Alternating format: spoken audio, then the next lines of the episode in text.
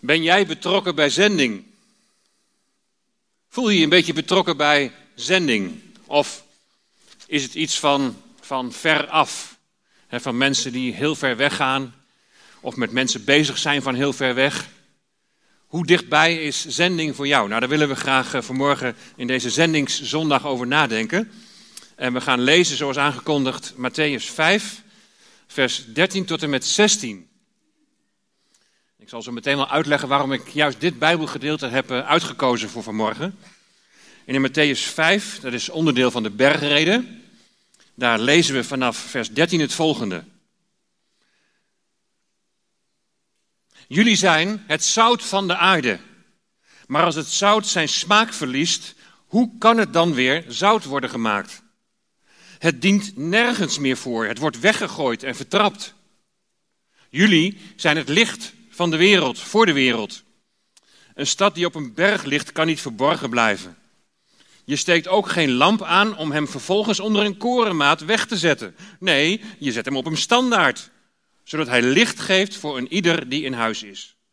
Zo moet jullie licht schijnen voor de mensen, zodat jullie goede daden kunnen zien en eer bewijzen aan jullie Vader in de hemel.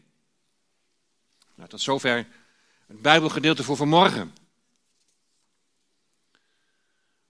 Vooraf aan deze zendingsdienst heb ik eh, twee gesprekken gehad met de zendingswerkgroep. Met Lydia Bakker, met Ans Faber, met Nico Persum en Taco Medema. En we hebben het gehad over het belang van betrokkenheid van de gemeente bij zending. Maar ik heb gevraagd, wat verstaan jullie nu eigenlijk precies onder zending? Want je moet natuurlijk wel weten waar je dan betrokken bij zou moeten zijn. Wat is nou eigenlijk zending? En ze gaven allerlei mooie antwoorden, goede antwoorden. Maar eigenlijk moesten we steeds weer constateren dat het breder is dan, dan de antwoorden die werden gegeven. Vanmorgen hè, zien we filmpjes van zendelingen die we hebben uitgezonden. Van mensen die we hebben uitgezonden en, en die wij dan vervolgens zendeling noemen. Gert en Mayo, die net vrijdag weer zijn vertrokken naar Thailand. Ze zijn daar inmiddels aangekomen. Bij aankomst moesten ze testen. Ze moesten een dag en nacht in een quarantaine in een hotel. We weten nog niet of ze dat allemaal weer doorstaan hebben. Maar in ieder geval, ze zijn daar. En ze zijn zendelingen van OMF in Zuidoost-Azië. Hans en Rosalind, die uit de koffer leven, zoals ze dat zeggen, en die rondreizen voor toerusting van leiders en teams van operatie mobilisatie in heel Europa.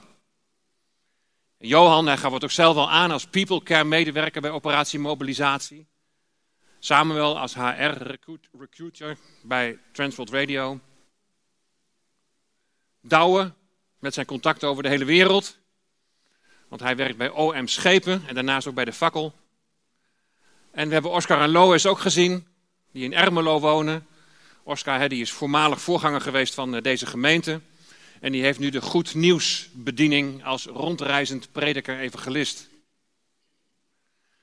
Onze betrokkenheid bestaat uit gebed, uiteraard, heel belangrijk. De zendelingen zijn gekoppeld aan een huiskring.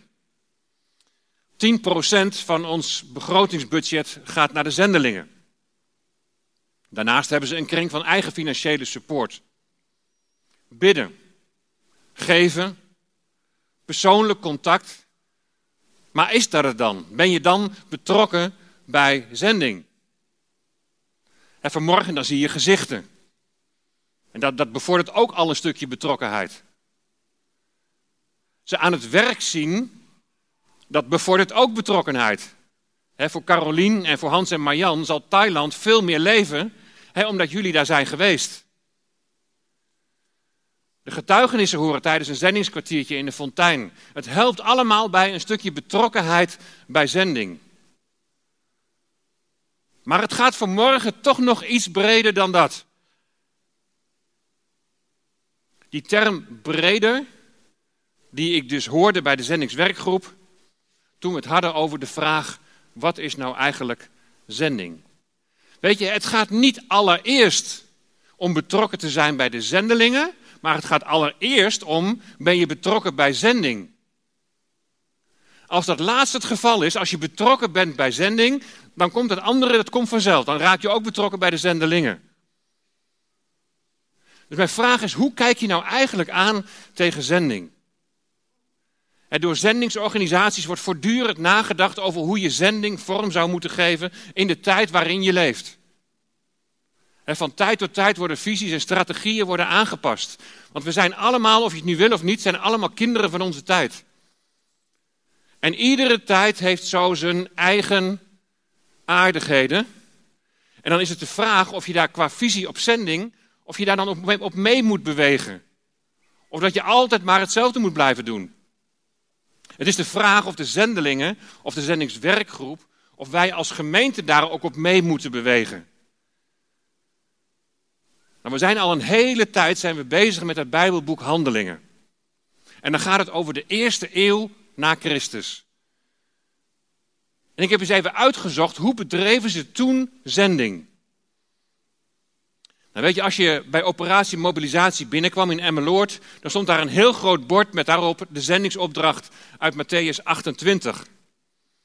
En ook een organisatie is Agape, die, die liet zich ook heel sterk daardoor drijven. Gaat dan heen, maakt al de volken tot mijn discipelen, en dopen in de naam van de Vader en de Zoon en de Heilige Geest, en hen onderwijzende wat ik jullie geleerd heb, zei de Heer Jezus.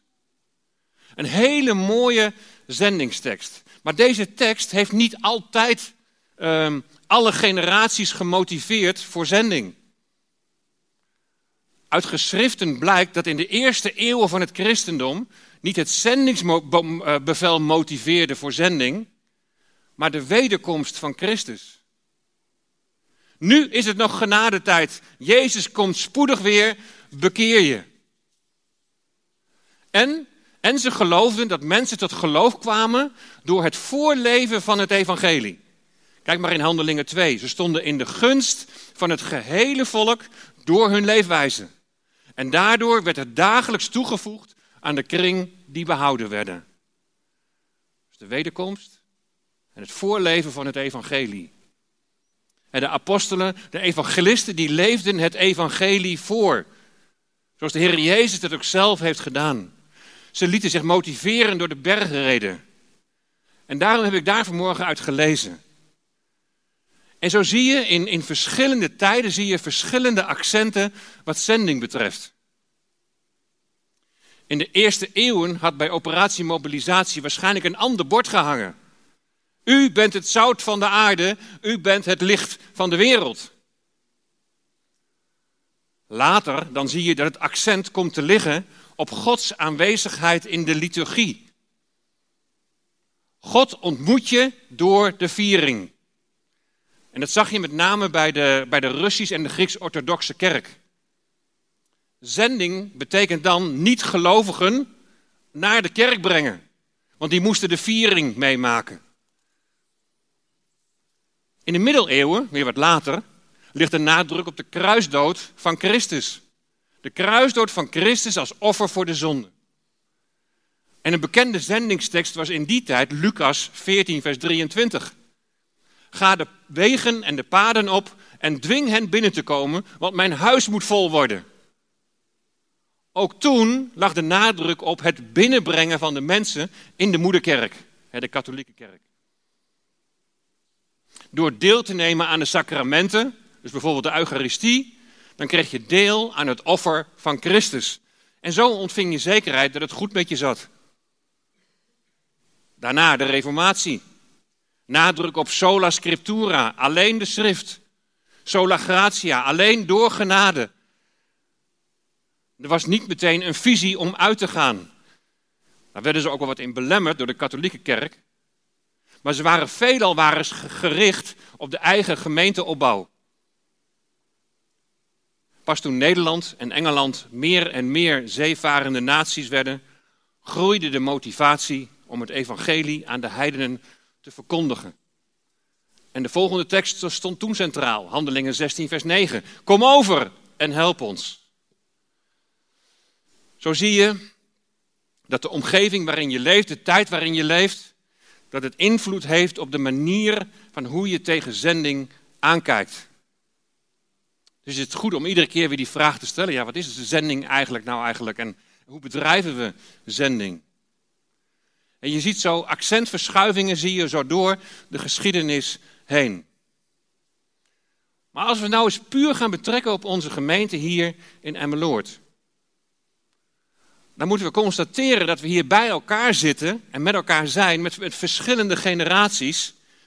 En verschillende generaties die heel verschillend in het leven staan. Wat zegt dat over hoe je tegen zending aankijkt? Of over hoe je betrokken bent bij zending? Nou, achteraf had ik nog wel twee vragen gehad voor de Kahoot. De eerste vraag is: hoe oud zijn gemiddeld onze zendelingen? En ten tweede, hoe oud zijn gemiddeld de leden van de zendingswerkgroep? De gemiddelde leeftijd van onze zendelingen is 55. We zullen straks aan het eind zien dat Oscar Lohuis dat nog een beetje naar, naar beneden probeert bij te stellen. Maar het is toch echt 55. De gemiddelde leeftijd van de leden van de zendingswerkgroep. Dat komt net niet op 55, dat komt door jou Lydia. Je haalt het nog een beetje naar beneden. Maar daar komt er 54. Dus 54 en 55 gemiddeld. In totaal zijn er in die hele groep zijn er zes babyboomers, zoals we dat noemen. Dat betekent die zijn geboren in de periode, direct na de oorlog, 1946 tot 1964. En in totaal zijn er negen busters, dat is de generatie X. En die zijn geboren in de periode 1965-1983. En dan moet je wel bedenken dat de meeste van die laatste groep ook wel heel dicht tegen die babyboomers aanzitten. Dus het is vooral die generatie die nu zendelingen zijn, zeg maar, en die ook in de zendingswerkgroep zitten. En weet je, dat vertel ik niet zo alleen maar voor als een leuk weetje. Maar de verschillende generaties hebben zo hun eigen aardigheden. Generaties die reageren heel verschillend schijnt op die zendingsopdracht van Matthäus 28. Nou, als je nou geboren bent in 2002 of misschien later, kun je je dan betrokken voelen met een generatie, babyboomers, die zo anders als jou in het leven staan? De boosters, dat is de generatie nog voor de babyboomers, 1927, 1945. Dat is een generatie die zegt: we gaan gewoon. Ze zijn trouw aan het boven hen gestelde gezag. Niet zeuren, je nam het ongemak voor lief en later in de hemel dan rust je maar uit. De babyboomers, dus 1946, 1964, die willen heel graag dienen. Maar die gaan wel eerst vragen stellen. Waarom moet ik gaan? En hoe lang? Kan het niet anders? Hij of zij wil argumenten horen en dan, dan afwegen. De generatie X, 1965, 1983, die zegt: Nou, ik vind het prima om erop uit te gaan, maar alleen als anderen ook gaan. En misschien ziet hij of zij er op het laatste moment nog van af, omdat het niet goed voelt. Dan de generatie I, 1984, 2001. Die vindt een goede balans in werk en privé heel belangrijk. En deze generatie die wil uitdaging. Die wil voldoening halen uit zijn werk. Maar deze generatie heeft ook niet zoveel met autoriteit. En ze zijn bekend met de nieuwe communicatiemiddelen en ze maken daar handig gebruik van. De huidige generatie, dat is generatie Z. 2002 tot heden. Nou, deze generatie groeit natuurlijk op met alle digitale mogelijke hulpmiddelen die er zijn. Ze communiceren net zo snel met iemand aan de andere kant van de wereld als met je buurman. En je moet ze blijven uitdagen. Ze zijn ondernemend. Ze zijn op zoek naar werkgeluk. Bij de huidige generatie zie je dat ze zich niet meer zo aangesproken voelen door de oude idealen van haalbaarheid en, en maakbaarheid. De huidige generatie wordt niet gemotiveerd door, door al dan niet haalbare doelen waar we voor moeten gaan. Ze worden meer gestimuleerd door veranderde levens.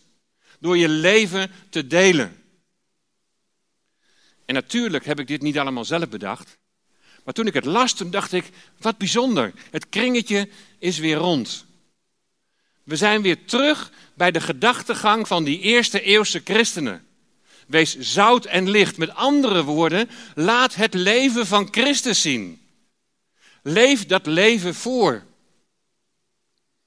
En als ik aan jongeren vraag, waar ze graag meer over willen weten vanuit de Bijbel, dan is het antwoord heel vaak de toekomst. Hoe zit het met de wederkomst van de Heer Jezus? Dus je ziet die aspecten van de eerste eeuw, zie je op dit moment weer bij de nieuwe generatie, zie je dat heel sterk terugkomen. Nou, voordat ik verder ga en echt ga inzoomen op dat Bijbelgedeelte van Matthäus 5, gaan we eerst nog weer naar een filmpje kijken. En dan zullen we eens kijken of die oude zendelingen, of die een beetje meedijnen op deze gedachte. De gedachte van laat het leven van Christus zien. Bidden en werken, is dat, uh, is dat iets dat... Bidden en werken, is dat...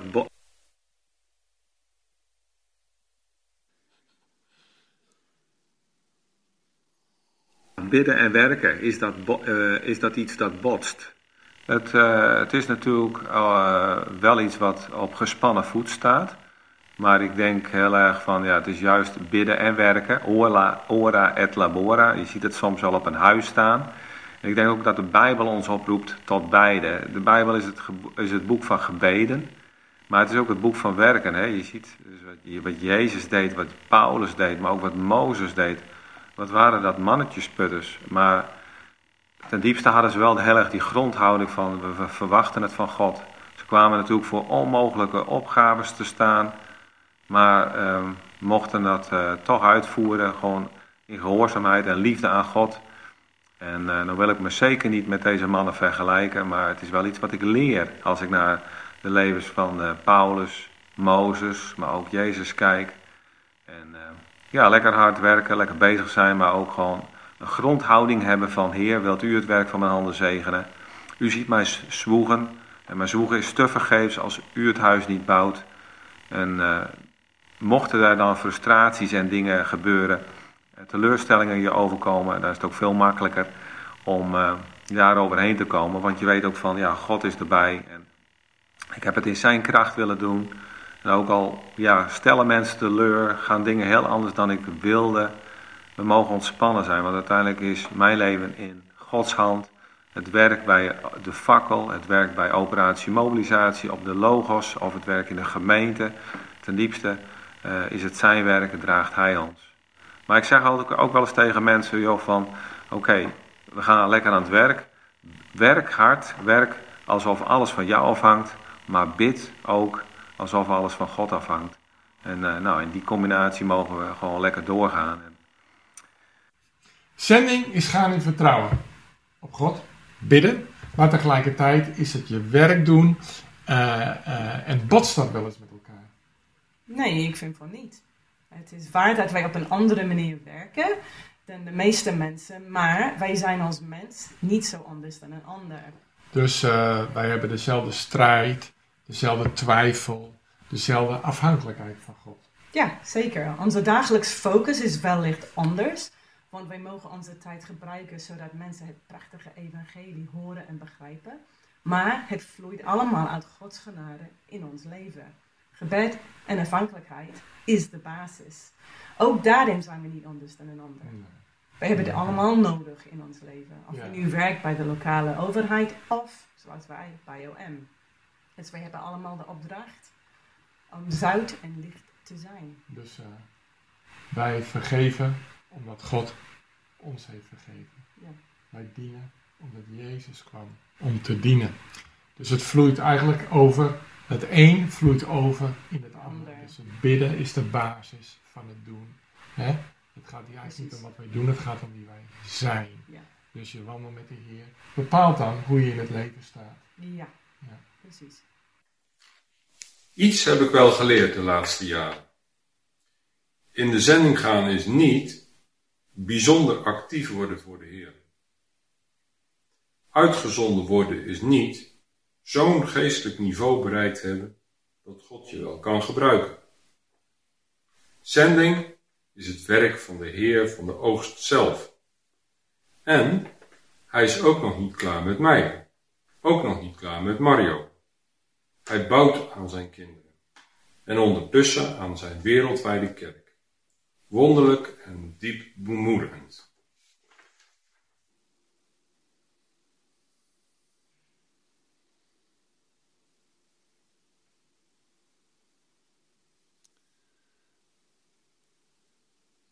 Volgens mij, volgens mij zijn die oude zendelingen nog jong van geest. Want volgens mij maken ze die beweging mee. En misschien ook wel logisch, want zendingsorganisaties denken daar natuurlijk over na. En de zendelingen worden daarin meegenomen. De verandering van tijd, verandering van benadering van mensen. Hans, die ken ik bijvoorbeeld als iemand die enorm visiegedreven is, die doelen stelt. En het past ook helemaal bij zijn generatie. Maar tegelijkertijd hoor ik hem zeggen: het gaat niet om wat wij doen, maar het gaat om wie wij zijn. Rosalind die zei: we hebben de opdracht om zout en licht te zijn. Nou, we zullen zo meteen zien wat dat te betekenen heeft. Dat heeft dus ook te maken in de eerste plaats met zijn. Jullie zijn zout en jullie zijn licht. Aan het begin van de dienst, toen hoorden we Mario zeggen: Ik was eerst vooral bezig met doen en ik wilde de controle houden. En misschien is dat ook heel herkenbaar. Maar ze heeft nu ontdekt dat het veel meer gaat om zijn. Beschikbaar zijn voor God en beschikbaar zijn voor mensen. En Gert die brengt vervolgens het zijn van zendeling, brengt hij even van zijn voetstuk, waarop mensen je zo makkelijk kunnen plaatsen. Moet je toch eens zien, dat is bijzonder. Die mensen die laten alles achter, die gaan naar een ander land, et cetera, et cetera. En dan, als je er zo tegenaan kijkt, dan is zending, kan zomaar iets zijn ja, van die ander. Die ander die gaat en die ander die gaat heel ver weg. En wat zegt Gert dan? Zending is niet bijzonder actief worden voor de Heer. Uitgezonden worden is niet zo'n geestelijk niveau bereiken dat God je wel kan gebruiken. Nee, zending is het werk van de Heer van de oogst zelf. Hij bouwt aan zijn kinderen. Hij bouwt aan ons zijn. Hij vormt ons en hij kneedt ons. Hij wil ons veranderen naar het beeld van de Heer Jezus.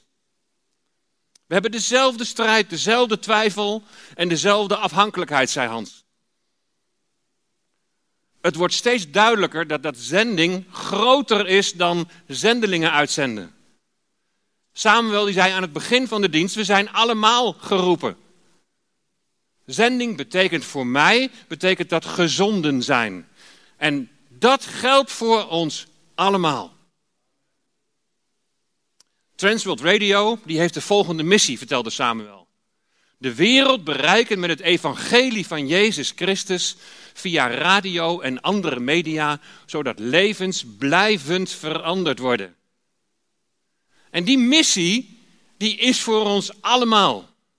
alleen voor via radio en andere media kun je dan iets voor jezelf invullen de wereld bereiken met het evangelie van Jezus Christus, zodat levens blijvend veranderd worden. Weet je, je mag gewoon op jouw manier, met mensen om je heen, mag je delen van het evangelie, van het goede nieuws. En we zijn allemaal, zijn we geroepen. Er staat ook een doel in die missie van Transworld Radio, zodat levens blijvend veranderd worden. OMF de Overseas Missionary Fellowship, de zendingsorganisatie van Gert en Mayo, die omschrijft die levensverandering nog iets specifieker in haar visie. We willen zien dat volken in Oost-Azië en christenen in Nederland met elkaar verbonden worden en samen in beweging komen om God te aanbidden, te kennen en Hem in gehoorzaamheid te volgen en te dienen. En die levensverandering, ja, die wil je als zendeling natuurlijk graag bij die mensen zien. Maar dat begint bij jezelf. Het is de bedoeling dat jouw levensverandering, dat die aanstekelijk gaat werken, zoals we dat ook zien in Matthäus hoofdstuk 5. We gaan nu naar Matthäus hoofdstuk 5. Wat je ontvangt, dat geef je door. Dat is het uitgangspunt. Dat is het uitgangspunt van die eerste eeuwse christenen. En je ziet dat het steeds meer nadruk gaat krijgen, ook in de tijd waarin wij leven. U bent het zout van de aarde, maar als het zout zijn smaak verloren heeft, waarmee zal het gezouten worden? Het deugt nergens meer voor dan om weggeworpen en door de mensen vertrapt te worden. Het is onderwijs van de Heer Jezus aan zijn discipelen. En het volk dat luistert op afstand mee. Zout werd gebruikt bij de offers. Let even op, als je meedoet in de kringen, moet je even onthouden. Zout werd gebruikt bij de offers. Zout werd gebruikt om slecht drinkwater te reinigen.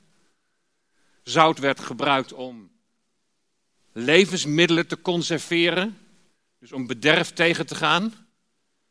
En zout werd gebruikt om het eten smaak te geven. Wat leren de discipelen van Jezus hier?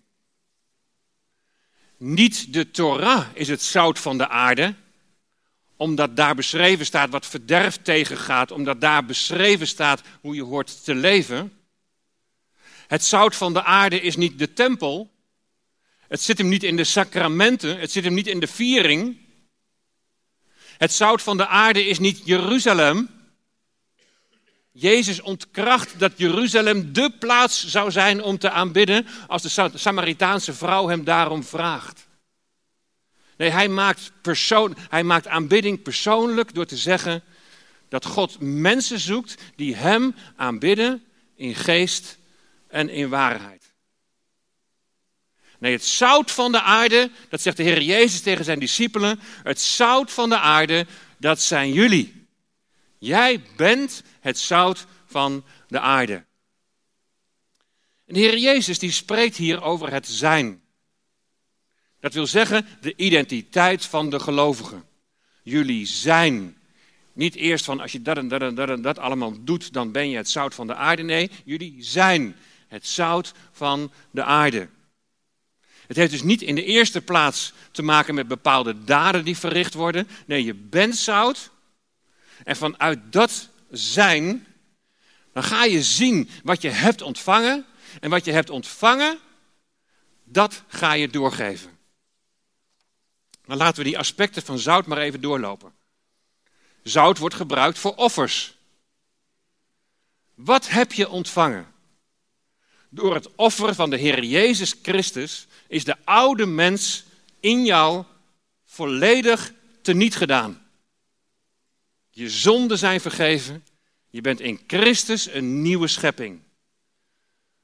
Douwe die haalde 1 Korinthe 6 vers 20 aan. U bent gekocht en betaald, dus bewijs God eer met uw lichaam. En in relatie tot offer haalde hij ook Romeinen 12 vers 1 aan. Broeders en zusters, met een beroep op Gods barmhartigheid vraag ik u om uzelf als een levend, heilig en God welgevallig offer in zijn dienst te stellen. Dat is de ware eredienst die van u wordt gevraagd. Vanuit je zijn in Christus zeg je, Heere, hier ben ik. En dan is het ora et labora, het is bidden en werken. En je bidt omdat je niets vanuit jezelf kunt. Het is niet een offer brengen van, van wat je allemaal zou moeten doen. Nee, dat offer wil zeggen dat je juist uitspreekt van Heer, ik kan het zelf niet. Ik geef me volledig aan u over. Oscar die was onder de indruk van zijn Indiase broeder. Een andere cultuur, andere omstandigheden. Afhankelijkheid, dat is bij ons denk ik nog ten dele omdat we niet de armoede en de vervolging ondergaan zoals mensen dat in India kennen. Zout is om slecht drinkwater te reinigen.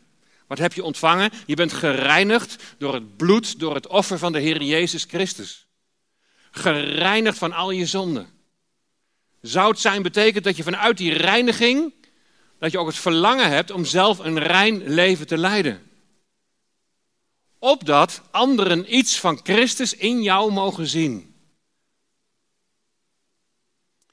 Zout is om levensmiddelen te conserveren, om bederf tegen te gaan. En dat zegt iets over duurzaamheid. De Heilige Geest brengt een duurzame verandering in jou teweeg. Het Transworld Radio die spreekt in haar missie over zodat levens blijvend veranderd worden. Zout, dat is de, de, de kracht van de Heilige Geest die verandering in je hart bewerkt en daar nog steeds dagelijks mee aan de slag is. En het is belangrijk dat mensen om je heen zien dat jouw geloof en jouw toewijding, dat het niet een bevlieging is, maar dat mensen zien dat, dat je stabiel daarin bent. En zout is om het eten smaak te geven. Je leven heeft smaak gekregen. God heeft zijn grotere plaatje aan je laten zien.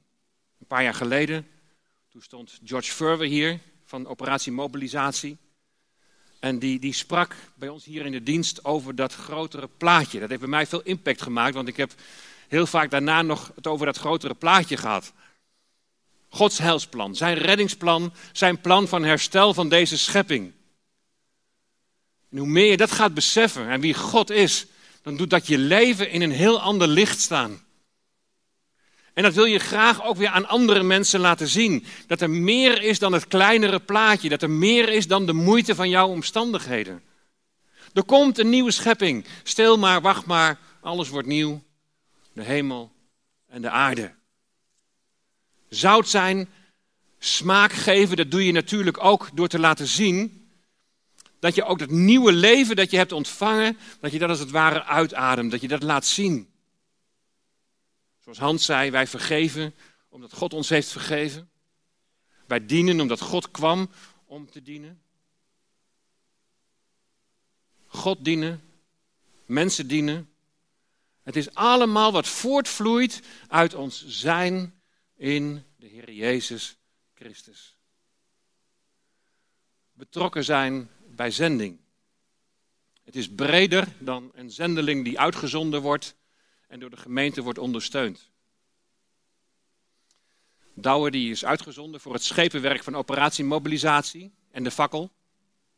Maar hij noemt in één adem ook het jeugdwerk in de gemeente. Daartoe voelt hij zich ook gezonden. Een van de doelen van de Goed Nieuwsbediening van Oscar Lohuis is: wij willen mensen dienen met de heldere, bevrijdende, vertroostende en de hoopgevende verkondiging van het Evangelie. En ja, dan, dan, dan zie je Oscar zo voor je staan hier bij de preekstoel. Maar het is breder dan dat. Lois vertelde over het verlangen om mensen bij hun thuis op te vangen. Ook zij krijgen het evangelie mee door het zijn van Oscar en Lois en ook wat ze daar te horen krijgen. Samuel is uitgezonden door Transworld Radio, maar is samen met Jimena ook oudste echtpaar hier in de gemeente. En daar heeft hij inmiddels al dezelfde gaven laten zien die hij ook bij Transworld Radio gebruikt. Het is, het is, het is breder. We zijn allemaal gezonden. En als je dat gaat beseffen, dan ontdek je dat je, van je vanzelf ook betrokken bent bij zending. Ook jij bent zendeling. Mario die gaf aan dat zij in contact met zendelingen uit Zuidoost-Azië, dat zij gewoon proeft dat ze zo godgericht zijn. Maar dat wij nog zo vaak mensgericht zijn.